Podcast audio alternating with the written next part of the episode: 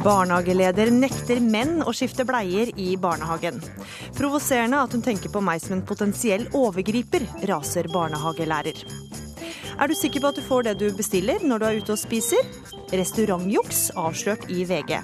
Når vi ikke bryr oss om maten, fortjener vi ikke bedre, mener matanmelder. Og havnearbeiderne har aksjonert i årevis. Denne uka tapte de i EFTA-domstolen. Kommer ikke til å gi opp. Den kommer til å se disse gule vestene her eh, så lenge jeg lever med. Du hører på Ukeslutt, der vi hopper i havet for å kjenne på hvordan det er å være Sylvi Listhaug. Så nå ligger Linn 50 meter bort fra skøyta her og flyter. Og det blinker eh, fra drakta hennes. Jeg heter Gry Veiby. Men først. Det har akkurat blitt varsla om streik i hotell- og restaurantbransjen etter at partene ikke kom til enighet. Og reporter her i NRK, Kristine Næss Larsen, hva mer kan du si om det? Jo, det blir altså streik i hotell- og restaurantbransjen fra i morgen tidlig, etter at partene som du nevnte, ikke kom til enighet etter elleve timers mekling. Det gjelder nesten 3500 medlemmer i Fellesforbundet da, som er i streik fra klokka åtte søndag. Og Fellesforbundet og NHO Reiseliv eh, er det som representerer partene i den tvungne meklingen eh, som foregikk hos Riksmekleren like fram til eh, omtrent klokka tolv nå i formiddag. Og fristen var ved midnatt natt til lørdag, men det ble altså ingen løsning. Og ifølge Fellesforbundets leder Jørn Eggum så har arbeidsgiverne avvist medlemmenes krav om høyere lønn. Hvem er det som blir, blir ramma av streiken? Det er over 3000 medlemmer i 356 NHO-bedrifter i Buskerud, Hordaland, Nordland, Oslo, Sør-Trøndelag og Vestfold som kan bli tatt ut i streik. Og det samme gjelder for 99 medlemmer ved sju bedrifter i Buskerud, Oslo, Sør-Trøndelag og Hordaland som har direkteavtale med Fellesforbundet. Og det er hoteller, restauranter og bedriftskantiner som rammes av denne konflikten. Takk til deg, Kristine Næss Larsen, og vi følger denne saken videre her i NRK. Det var nok mange som fikk en litt uggen følelse da de leste VGs sak om restaurantjuks. For med DNA-prøver av maten kunne avisa avsløre at den folkelige Oslo-restauranten med hvite duker og lysekroner slettes ikke serverte det som står i menyen. Sjøtungefiletene var billig oppdrettsfisk, villsvinet var helt vanlig gris, og reinsdyrfileten til 340 kroner var hjort. Vi får eh, snart besøk av en matanmelder for å sjekke hvorvidt det er lett å ta feil. Men eh, først skal vi til deg, reporter Maria Piles Våsan. Du står sammen med kokk og kjøkkensjef på Hitchhiker på Vulkan i Oslo, Jan Robin Ektvedt. Og hva skjer der? Nå står jeg på kjøkkenet til Hitchhiker på Mathallen. Eh, her står de og steiker da, to forskjellige typer hvit fisk med masse smør og med salt og pepper og sitron. og må nesten eh, holde meg fra å sikle litt. um, men vi skal altså da ta og teste disse to forskjellige typer fisk på folk her nede. Uh, da skal jo det i studio òg. Og så uh, må jeg spørre deg, Jan Robin, jeg, jeg tror du folk kjenner forskjell? Uh, jeg håper det. Men de ser veldig like ut, sånn ved første øyekast. Smaken, da? Eh, jeg har ikke smakt ennå på eh, den verste, så jeg, jeg, gruer meg. Så billig oppdrettsfisk er ikke det du vet etter hverdags? Eh, nei, jeg visste ikke helt hvor man fikk tak i det heller, så jeg måtte, jeg måtte nesten spørre litt rundt. Så. så det er eksperimentering det går i her i dag. Jeg har sett på fiskene. De ser jo ganske like ut. Um, nå har ikke, de står fremdeles og steiker, men ser de like like ut når de er steikt? Nei, de ser ikke helt like ut. De, den ene er ganske røff, og den andre litt mer delikat. Maria, vi, vi, gleder oss til å prøve også her i studio. Nå må du få Ektvedt inn i en drosje og opp hit, sånn at han får kommet med smaksprøvene her. Så snakkes vi seinere, Maria. Det gjør vi.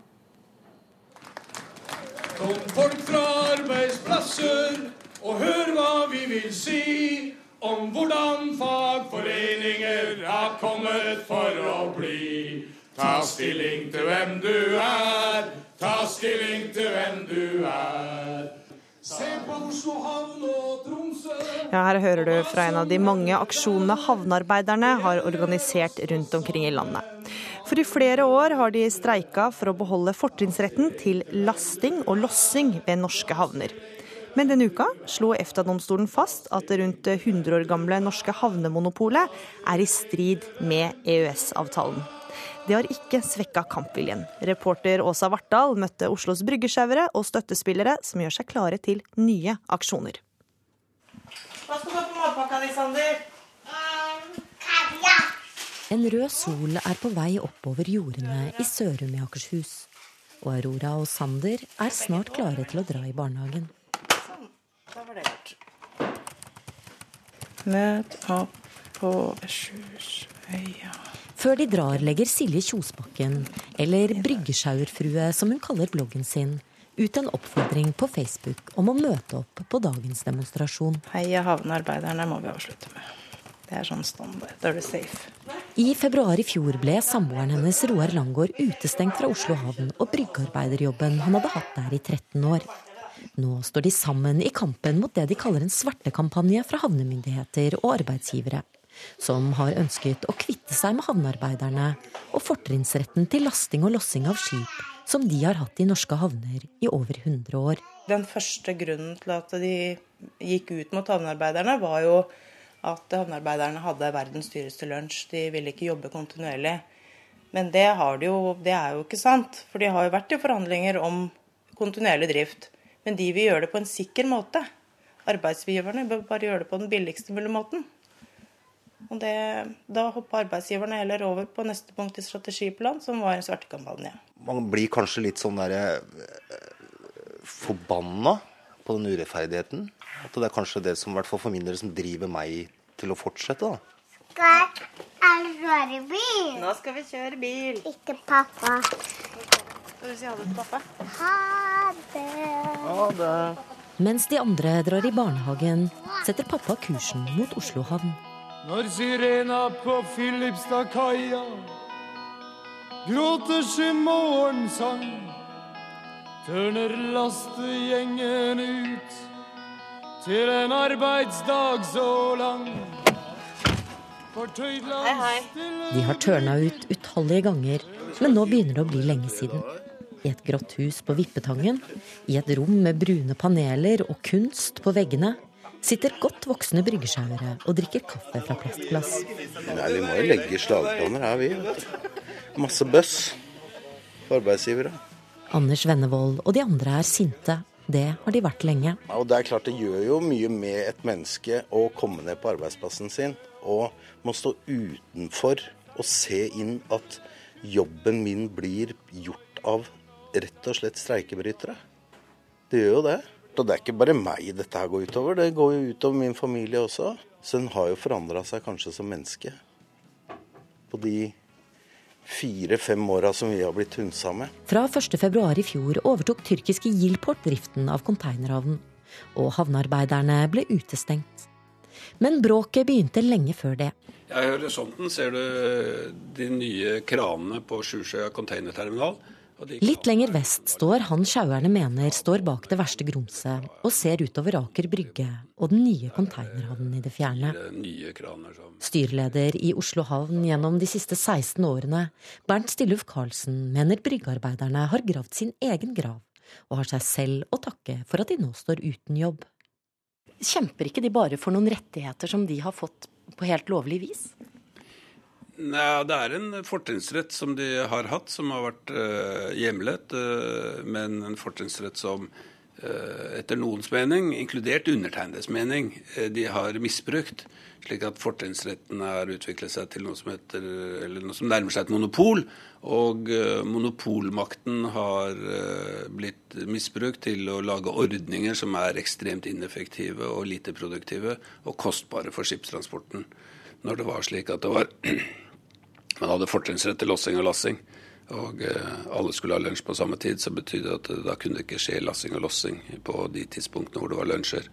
Og da sto i perioder, eller faktisk 25 av, av produktiv tid i Oslo havn gikk med til lunsjtid.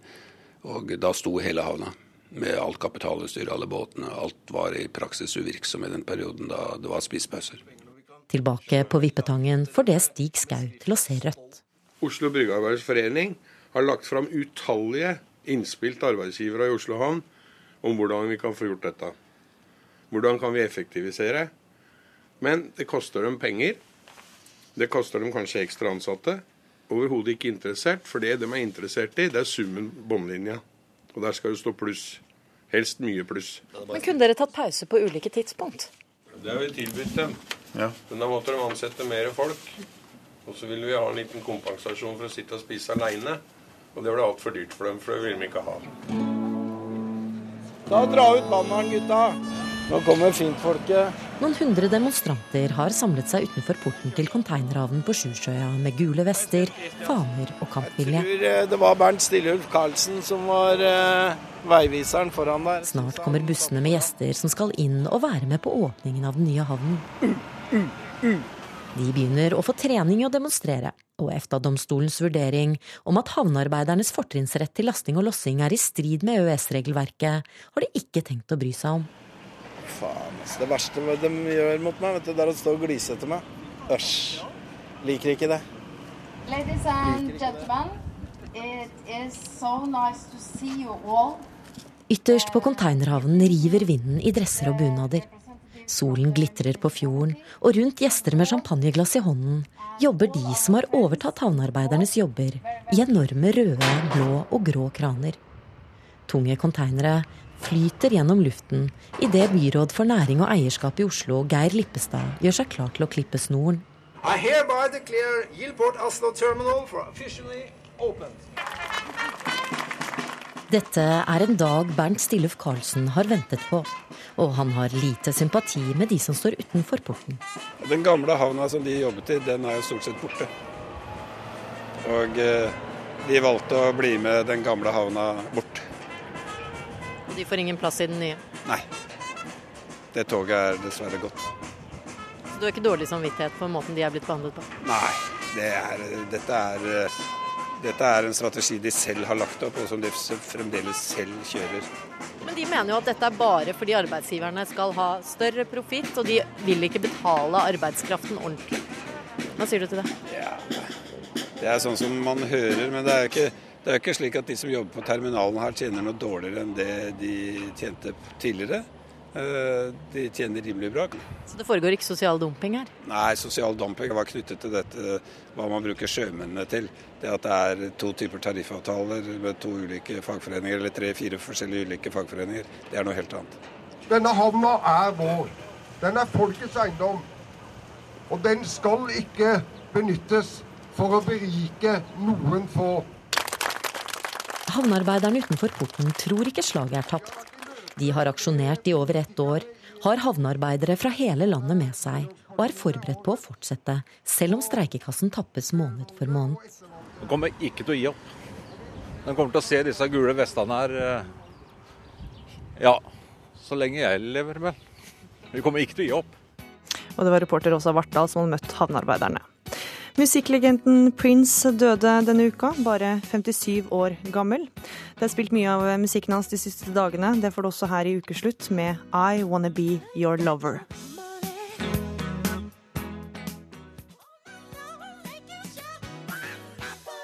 De siste dagene så har det vært reaksjoner med tårer, sjokk, sinne, frustrasjon og sorg.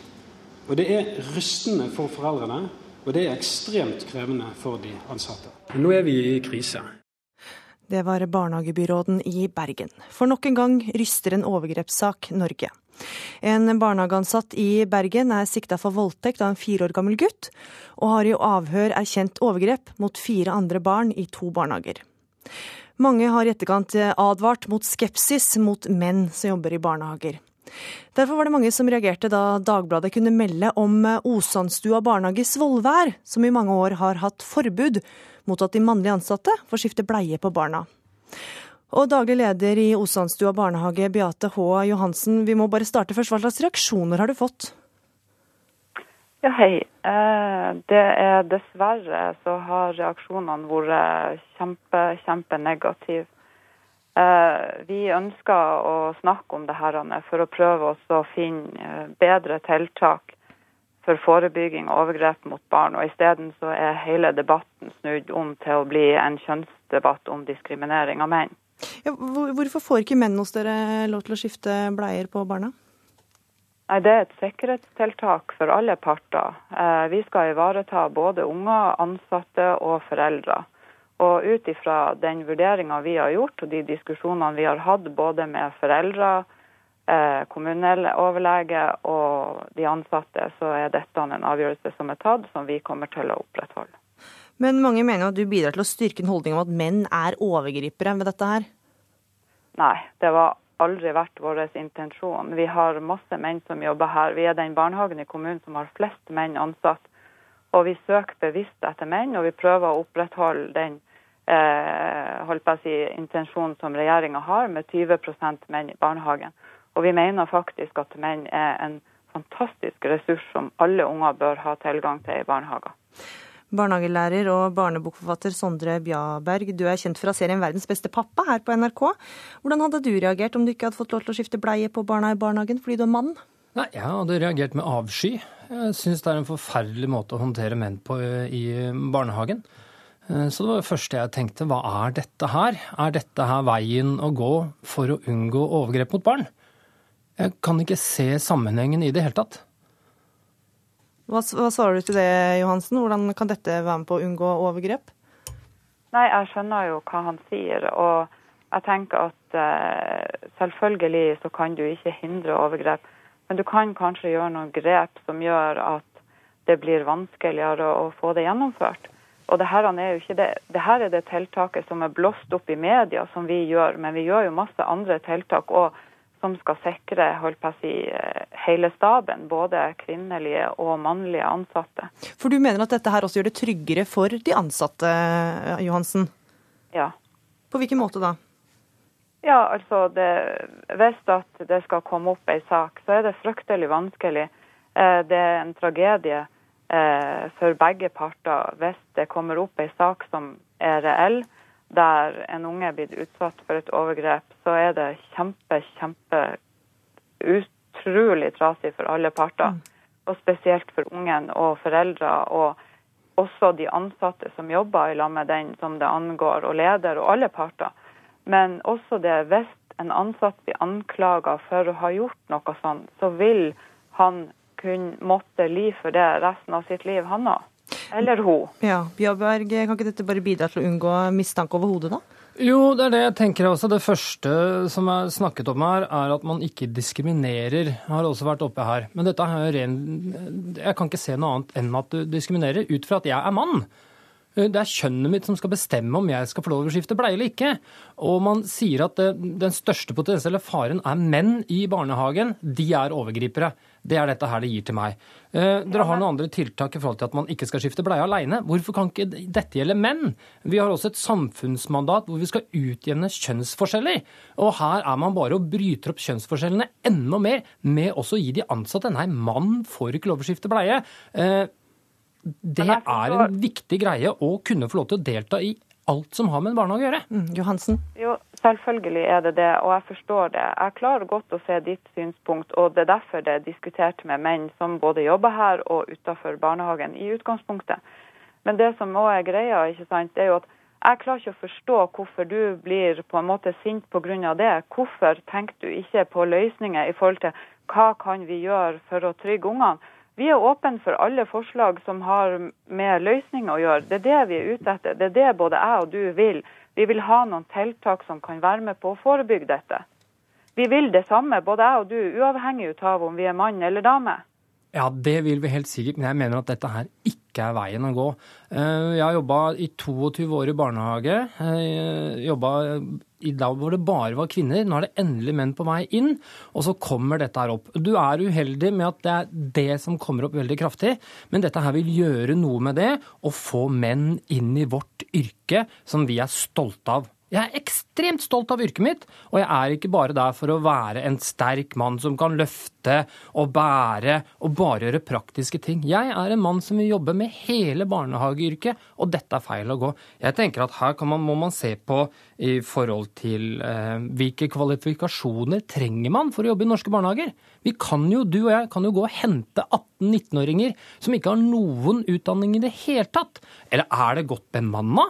Vi har en bemanningsnorm i Norge som vi ikke har sagt noe om ennå. Man setter inn flere og flere barn hele tiden. Her er jo den utviklingen som jeg tenker kan være med å sikre. Ikke å nekte oss fordi vi er menn å skifte Nei. bleier, som er en liten ting. Det er ikke der alltid overgripende Altså, skjer. Hvor er det det skjer hen? Hvilken overgriper uansett finne mulighet til å begå overgrep, Johansen? Jo, jeg, jeg tenker, og jeg har satt meg godt inn i dette. Jeg har snakka med mange folk, jeg har skrevet oppgaver, jeg har lest artikler. Det er faktisk ofte sånn med overgripere som det er med folk som ønsker å ta livet sitt. De klarer ofte å gjøre det uansett, om du går etter de i og fotfølger dem. Men hva hjelper dette tiltaket da? Ja, det er det jeg sier. Eh, dette er det tiltaket som holdt på å si foreløpig ser ut som det har virka bra hos oss. Og jeg sier ikke at alle barnehager må gjøre dette. Det finnes tusenvis sikkert av andre tiltak som andre barnehager kan sette i gang. Men for vår barnehage, akkurat sånn som det er nå, så funker dette bra, ser det ut som. Og da fikk du eh, siste ord, Beate H. Johansen. Takk til deg, og takk også til deg, Sondre Bjarberg.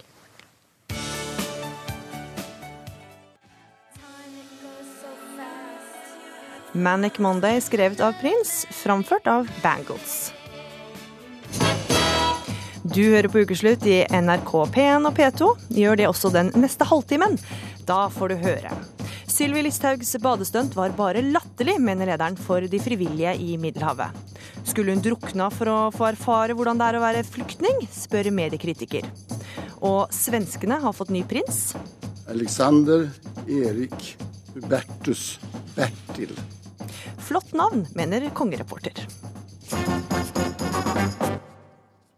Dette er historien om de tre små fisk som endte sitt liv på en fiskehandelsdisk. Men de svømmer det og svømmer det og svømmer det rundt, for deres mor hadde sagt at svømming var sunt. Og bob, bob, daddy, daddy, bob, bob,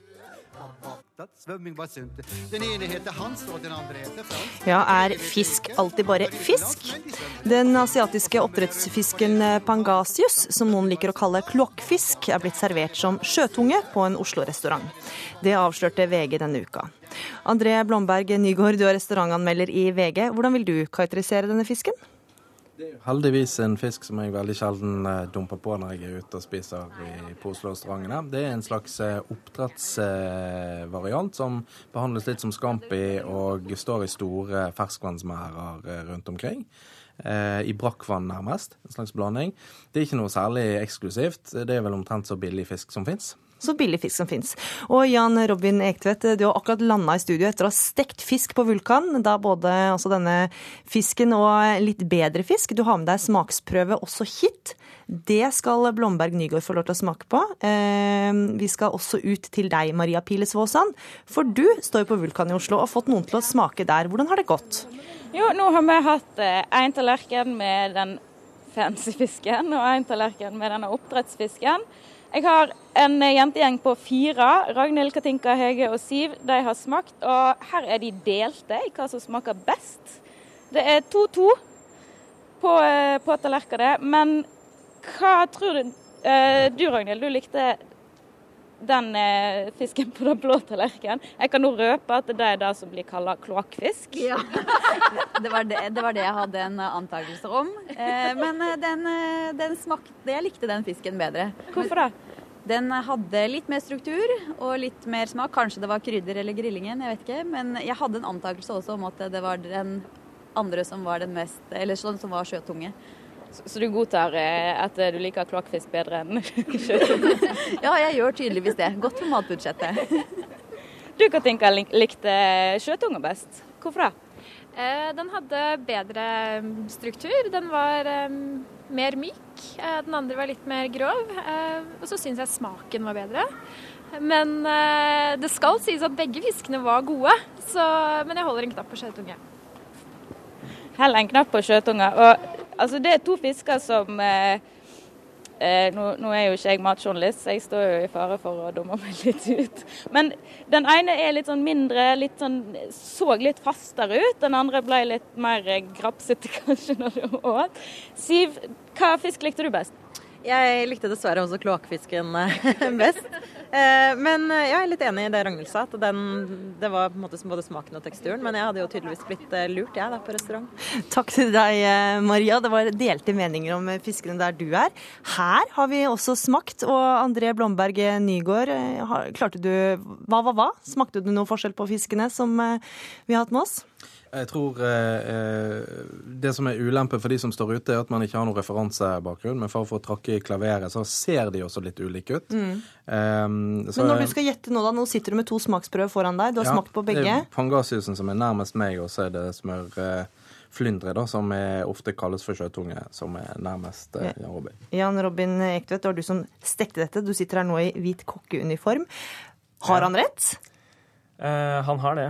Eh, det er eh, Vi tok en liten eh, smugtitt på de før vi kom inn i studio, og da tok han faktisk rett med en gang. Altså kun ved å se forskjell. Og det er jo det som er ganske, ganske urovekkende, at kanskje mange liker eh, den eh, pengasiusfisken eh, bedre. Ja, for den slo han godt på gata her også. Men, men det er jo egentlig ikke på en måte kjernen av temaet heller. Det går jo fint an, og nå er det godt håndverk som ligger bak tilberedningen her på begge to, så de er eh, gode. Det smaker godt, ja. ja. Det er godt laget. Men, eh, og hvis du på en måte har bestemt deg for at du eh, skal synes det er helt greit, sånn som pangasiusen behandles, og du ønsker å spise det, og du er like flink å steke den som eh, Robin har vært, så er det på en måte helt greit. Men, Men når du har gått ut ja. og kjøpt noe helt annet, Mm. eh, så er det så, så stiller det seg på en litt annen måte. Ja, Ektvedt, Hva syns du om at noen har servert da oppdrettsfisken som sjøtunge?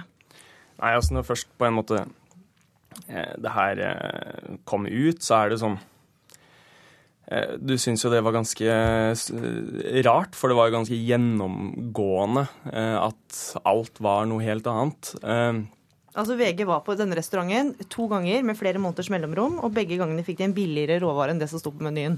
Ja, og det som er Altså, hvis noen hadde tatt feil av hjort og reinsdyr, så liksom Det kan man forstå. Mm. Eh, hadde man eh, på en travel lørdagsservice kjørt eh, piggvar, og du hadde fått inn en slettvar, og du ikke hadde sagt noe, så hadde jeg sikkert sagt OK, det går greit. Eh, men når det er altså liksom Det er to vidt forskjellige ting.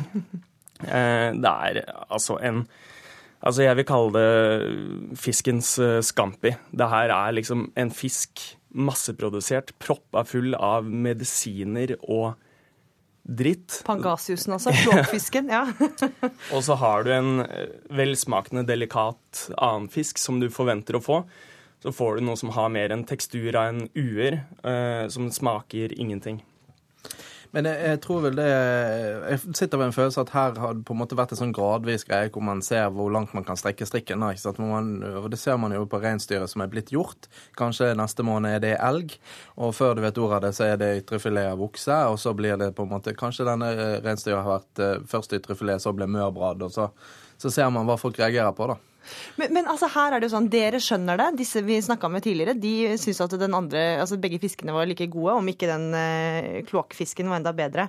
Og da, Blomberg Nygaard, altså, når man ikke har peil på maten, er det ikke like greit da, man, samme hva man spiser? Jo, altså, men jeg syns ikke bare råvarene her er, er det urovekkende. Altså, hvis du så bildene som var i VG, så var det jo også beskrevet at disse rettene var servert med sesongens grønnsaker. De var jo også totalt fraværende på tallerkenen. Eh, de, disse kokkene som hadde laget den maten, det hadde egentlig vært mer kriminelt hvis de hadde fått lov å jobbe med smørfrynde, syns jeg. Sånn som det ble presentert og så ut. Så eh, Gå gjerne på eh, Mona Lisa, som denne restauranten heter, hvis du vil det når du kommer til Oslo. Men ikke prøv å bestille de fancyeste rettene, for det er ikke det de holder på med. Så bare nevne at Vi har vært i kontakt med den aktuelle restauranten, og advokaten sier de undersøker hva som har skjedd, og tar uansett ansvaret for det som har skjedd. Ektvedt, eh, hvor mye ansvar har vi sjøl for å kjenne forskjell på svin og villsvin, f.eks.?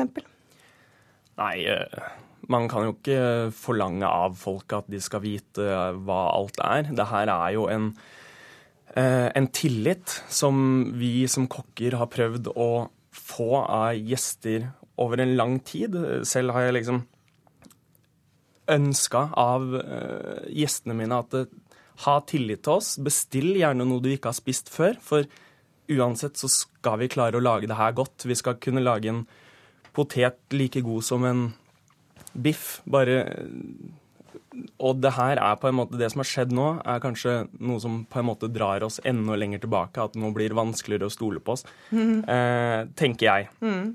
Eh, men eh, ja.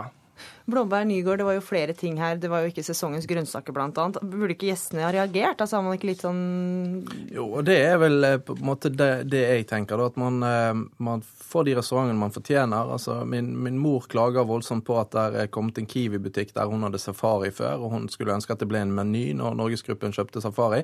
Men hun får altså den butikken hun fortjener. Hun kjøpte da ikke nok ferskvarer på den safarien, og så får hun en Kiwien. Og det er litt det samme som vi får her. Så lenge folk fortsetter å valfarte til denne restauranten, som har en strålende beliggenhet, så får du det du fortjener. Eh, til syvende og sist. Og, og, det er flott å stole på kokkene, syns jeg, og få gjøre gøye ting. Og, men det er litt som hvis man skal prøve seg på vin og lære seg om flotte viner, så gjør du ikke det i en mørk eh, ølbule like ved Karl Johan. Men kan man forvente at folk faktisk kan dette her, da?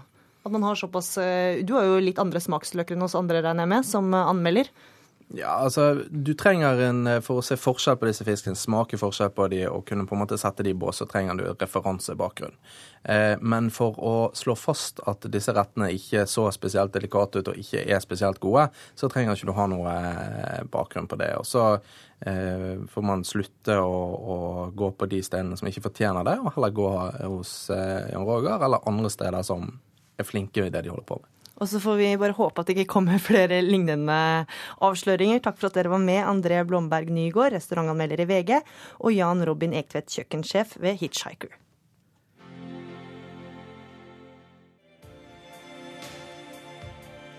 Nothing Compares to You, skrevet av Prince, framført av Sinead O'Connor.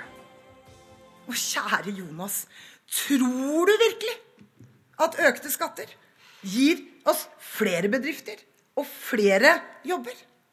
Det er altså sånn at 28,6 millioner kroner, ja, det er skatteregningen som Arbeiderpartiet vil sende til folk og norske bedrifter hver eneste dag. Det er visjonsløst. Og det er definitivt feil medisin i den tiden vi er inne i. Ja, Frp-leder Siv Jensen hamra løs på Arbeiderpartiet i sin tale til partiets landsmøte nå for få timer siden. Og her hørte vi henne utfordre Jonas Gahr Støre på skattepolitikken. Men det var ikke det eneste angrepet. Politisk reporter Katrin Hellesnes, du er på landsmøtet og hørte talen. Nei da, Jensen brukte faktisk en god del av talen på angrep på Arbeiderpartiet. Hun uh, harselerte med miljøpolitikken i Oslo, med fjerning av parkeringsplasser og finkosting av sykkelstier når det kommer noen snøfnugg. Arbeiderpartiet og Miljøpartiet De Grønne får fram det verste i hverandre, tordnet hun. Og så kritiserte hun motstanden mot private sykehjem, og hevdet dessuten at Arbeiderpartiets enhetsskole har sviktet. Hva ellers eh, la hun vekt på? Kampen mot arbeidsløsheten også muligheten for å skaffe flere jobber og bedre velferd var et hovedtema. Og det skal altså skje uten skatteøkninger. Tvert imot, Frp vil fortsette å senke skattene, slo hun fast.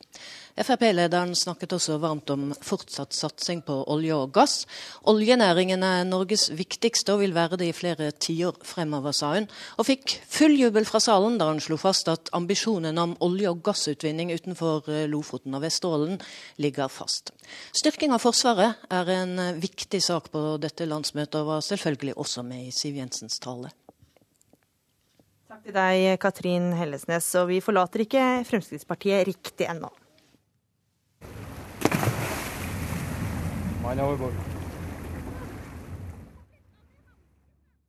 For innvandring- og integreringsminister Sylvi Listhaug skapte store bølger da hun hoppa over bord i Egerhavet i overlevelsesdrakt. Sosiale medier fryda seg. Inspirert av Sylvi Listhaug åpner jeg vinduet i natt for å kjenne hvordan uteliggere har det, skrev én, mens en annen tvitra i dag skal jeg sitte på en stol i fem minutter for å virkelig kjenne hvordan de lamme har det. Ukesluttsreporter Linn Beate Gabrielsen ble med Redningsselskapet på tokt i indre Oslofjord for å høre hva som egentlig skjedde. Nei, Det som skjer er vel at vi gir tilbud, og at folk får lov å, får lov å ha på seg en drakt. Hvis de har du lyst til å prøve? Intervjuet med Redningsselskapets kommunikasjonssjef Frode Pedersen har tatt en overraskende og litt ubehagelig vending. Håper jeg er faren stor for at jeg går i samme fella som Listhaug.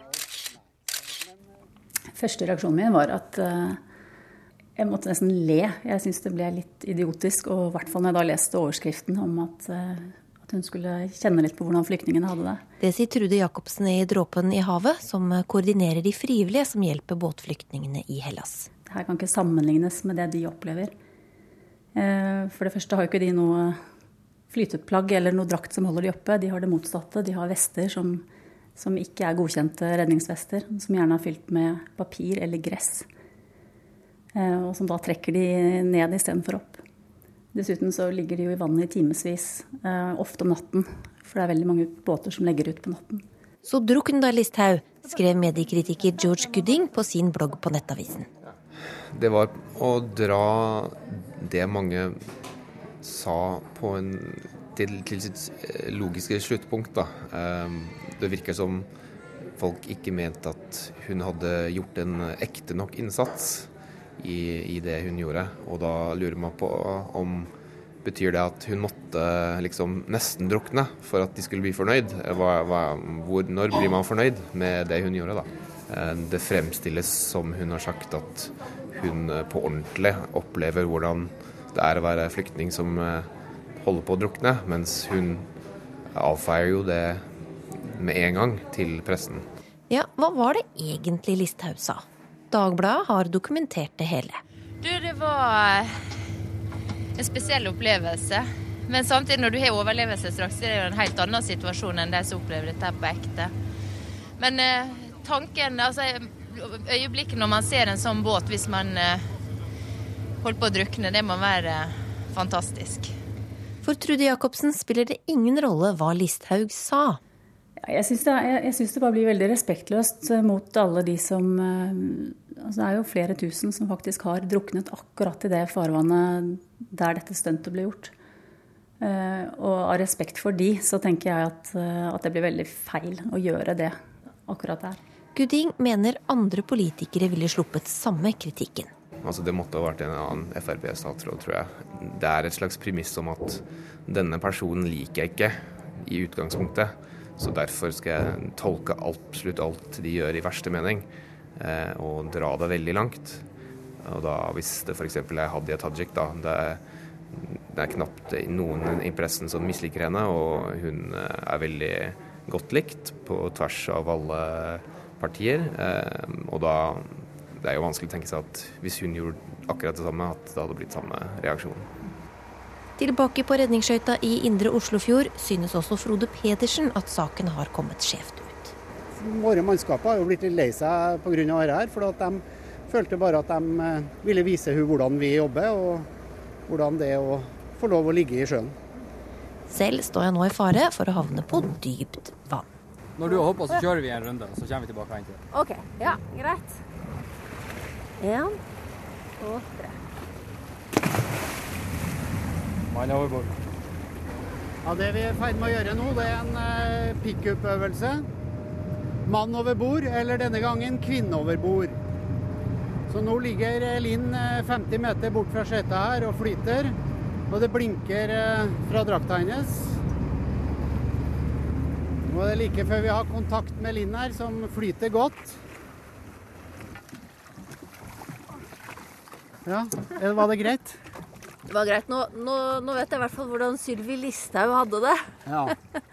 det var jo relativt greit, altså. Ja, var, men syns du det var som erfaring? Var i det var uh, Jeg følte meg trygg med dere i nærheten. Ja. ja. Nei, og da kan vi jo tenke oss kanskje hvordan det er å ikke ha sånn mm. drakt på seg når du ligger i vannet i sju, åtte, ni, ti timer. Mm. Da er du glad for at en redningsskøyte kommer og jeg lå der uten å bruke en kalori på å holde meg oppe. Jeg bare lå og slappa av. Ja. Mm. Det er ja, sant. Og de ansiktene vi møter veldig ofte, de, eh, de, ser litt annerledes ut. Og de har ofte tilbrakt mange mange timer i sjøen, og gjerne med små barn rundt seg.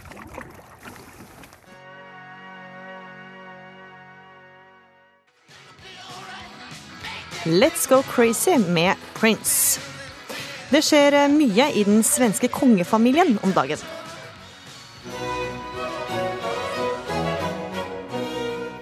Prinsessan Sofia och eh, Philip har eh, nedkommit med en son.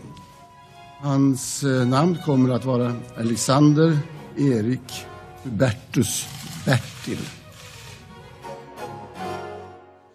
Nå har eh, kong Carl Gustav og dronning Silvia blitt besteforeldre for femte gang. Siste knopp på Bernadotte-familiens slektstre er sønnen til prins Carl Philip og Sofia, som har fått navnet Alexander Erik Hubertus Bertil. Og det er bare litt over en måned siden storesøster Victoria fikk et barn. Kongereporter i Svensk Damtidning Johanna Leijon, hva syns du om Alexander Erik Hubertus Bertil-navnet? Det är ett fint namn tycker jag. De, de har valt både från familjen lite mer traditionellt. Eh, Bertil då efter prins Bertil och sen Erik efter prinsessan Sofias pappa som heter Erik och så Hubertus då efter kungen.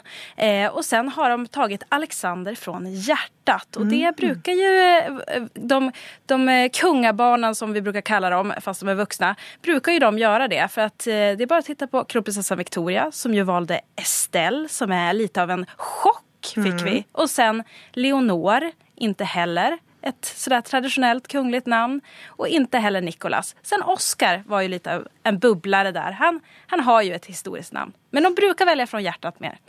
Ja, for Du nevnte jo Estelle, som er da Victorias førstefødte. Da når hun kalte barnet sitt Estelle, så var det flere som satte kaffen i halsen. Både blant vanlige folk og eh, dere kongeeksperter. Hva har reaksjonen i Sverige vært så langt? Eh, på, på det nya namnet? På det nye nya namnet, ja. nej, men det, det har varit bra. Jag tror ändå, alltså både och. Folk, folk är lite chockade för jag tror det var ingen som hade tippat på Alexander. Men sen Erik och Bertil, det var många som hade trott att det skulle bli det. Kongereporter i Se og Hør, eh, Anders Johan Stavseng. Hvor fritt står de kongelige i å velge navn? De kongelige kan eh, velge navn sjøl. De har ingen føringer på hva som syns må være. Men det er jo en kongelig tradisjon at det kaller opp eh, barna etter foreldre og personer som står deg nært. Det er mye sånn historisk i hvert navn. Det er det. Men i Sverige nå så har de jo valgt Alexander, og det har jo for så vidt ingen eh, direkte eh, link til noe. Så det, de har rett og slett funnet et navn de syns er eh, veldig fint. Og Hvordan klinger det for deg, da, dette navnet? Prins Alexander høres eh, veldig bra ut. Og når du legger til Erik Hubertus Bertil? Det eh, er Vi kommer vel ikke til å bruke det. Vi kommer bare til å si eh, prins Alexander. Ja. Kanskje også Alex? Nei, eh, Alex eh, har jo den danske eh, tidligere prinsesse Alexandra. Hun er eh, Alex for, eh, for de kongetro i kongeverden. Så eh, jeg tror det kallenavnet vil bli eh, prins Alexander på den nye prinsen. Ja, og her i Norge så hermer vi ofte etter navntrenden i Sverige. Jørgen Aurén, du er navneforsker i Statistisk sentralbyrå. Kommer vi til å høre navnet Alexander Erik Hubertus Bertil blir ropt inn til middag her til lands, tror du? Altså Det er jo riktig at når navn blir populære i Sverige, så vandrer de pent og stille over til oss. Men om disse navnene her slår noe særlig an, er vel ikke så sikkert. Altså Alexander har vært veldig populært i Norge, og er det fortsatt, men det er på vei ut. Erik er jo et del av grunnfjellet, så det heter man jo jevnt og trutt. Hubertus er jo fryktelig sært. så, så det, altså jeg finner at det er ti stykker i Norge som heter det som første fornavn, men det er ikke mindre enn 40 som har det totalt. Så det er veldig, ikke veldig mye. Altså det er 30 stykker som har Hubertus et stykke ut i rekken sin. De som bruker Hubertus, har gjerne mange navn. Bertil det er jo et navn som kanskje kunne ha et potensial her til lands. Siste året kom det bare tre stykker. Men det er jo et pent navn som hvorfor ikke? Hmm. Johanna Leion, hva er vitsen med alle disse navnene, hvis det bare er Alexander som blir brukt? Eh, det er jo en kunglig tradisjon. De bruker jo Øsa på med navn, verkligen. Det er ju flere, desto bedre, kjennes det som de tykker. Stavseng, hva slags liv venter denne Alexander Erik Hubertus Bertil? Den lille prinsen vil nok få et uh, relativt normalt liv. Eh, han kan jo sammenlignes med prinsesse Berthas barn, mor Angelica, Lea Isadora eh, og de jentene. Eh, han vil bli invitert til alle kongelige sammenkomster. Men i tillegg så er han jo også hertug av Søndermannland, som er eh, et område sør for Stockholm. Og der har jo også Sofia og Carl Philip et eh, hus, som, eh, sommerhus, som de eh, ferierer på.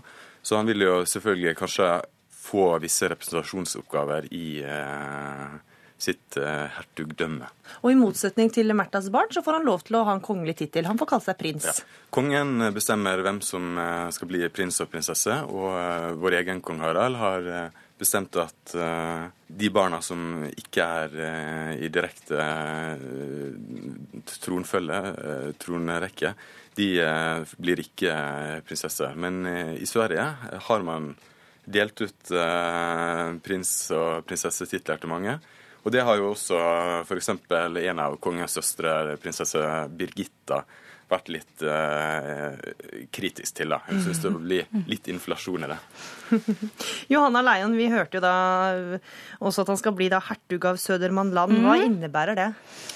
I dag innebærer det jo ikke så mye. Før i verden var det jo mer, man kunne jo bli veldig rik som hertug om, om man eh, hadde et landskap som, som hadde mange rikedommer, men i dag er det jo ikke så. Utan han kommer å representere eh, landskapet ibland, eh, og sen så kommer han jo være der en hel del just eftersom prinsessan Sofia og prins Carl Philip har et sommarhus som, som eh, betyder veldig, veldig mye for dem. Det var jo blant annet der som prins Carl Philip faktisk friade til Sofia. Mm.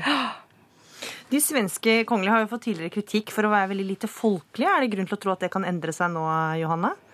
Ja, men eh, det er på vei å endres, kjenner jeg. Og eh, jeg tror at Sofia har et finger med i spillet der. Hun, hun det er mammaen til barna da. Hun Precis. har da både vært undertøysmodell og vært med i reality-TV. Ja, men exakt. Og hun er også veldig folkelig folkkjær, får man si. Mm. For at hun er så nærværende og åpen og virkelig eh, gillar å prate med pressen også, hvilket jo jeg jubler over, så klart. Mm. Mm. Stavseng, begynner det svenske kongehuset å ligne litt det norske nå i folkerett?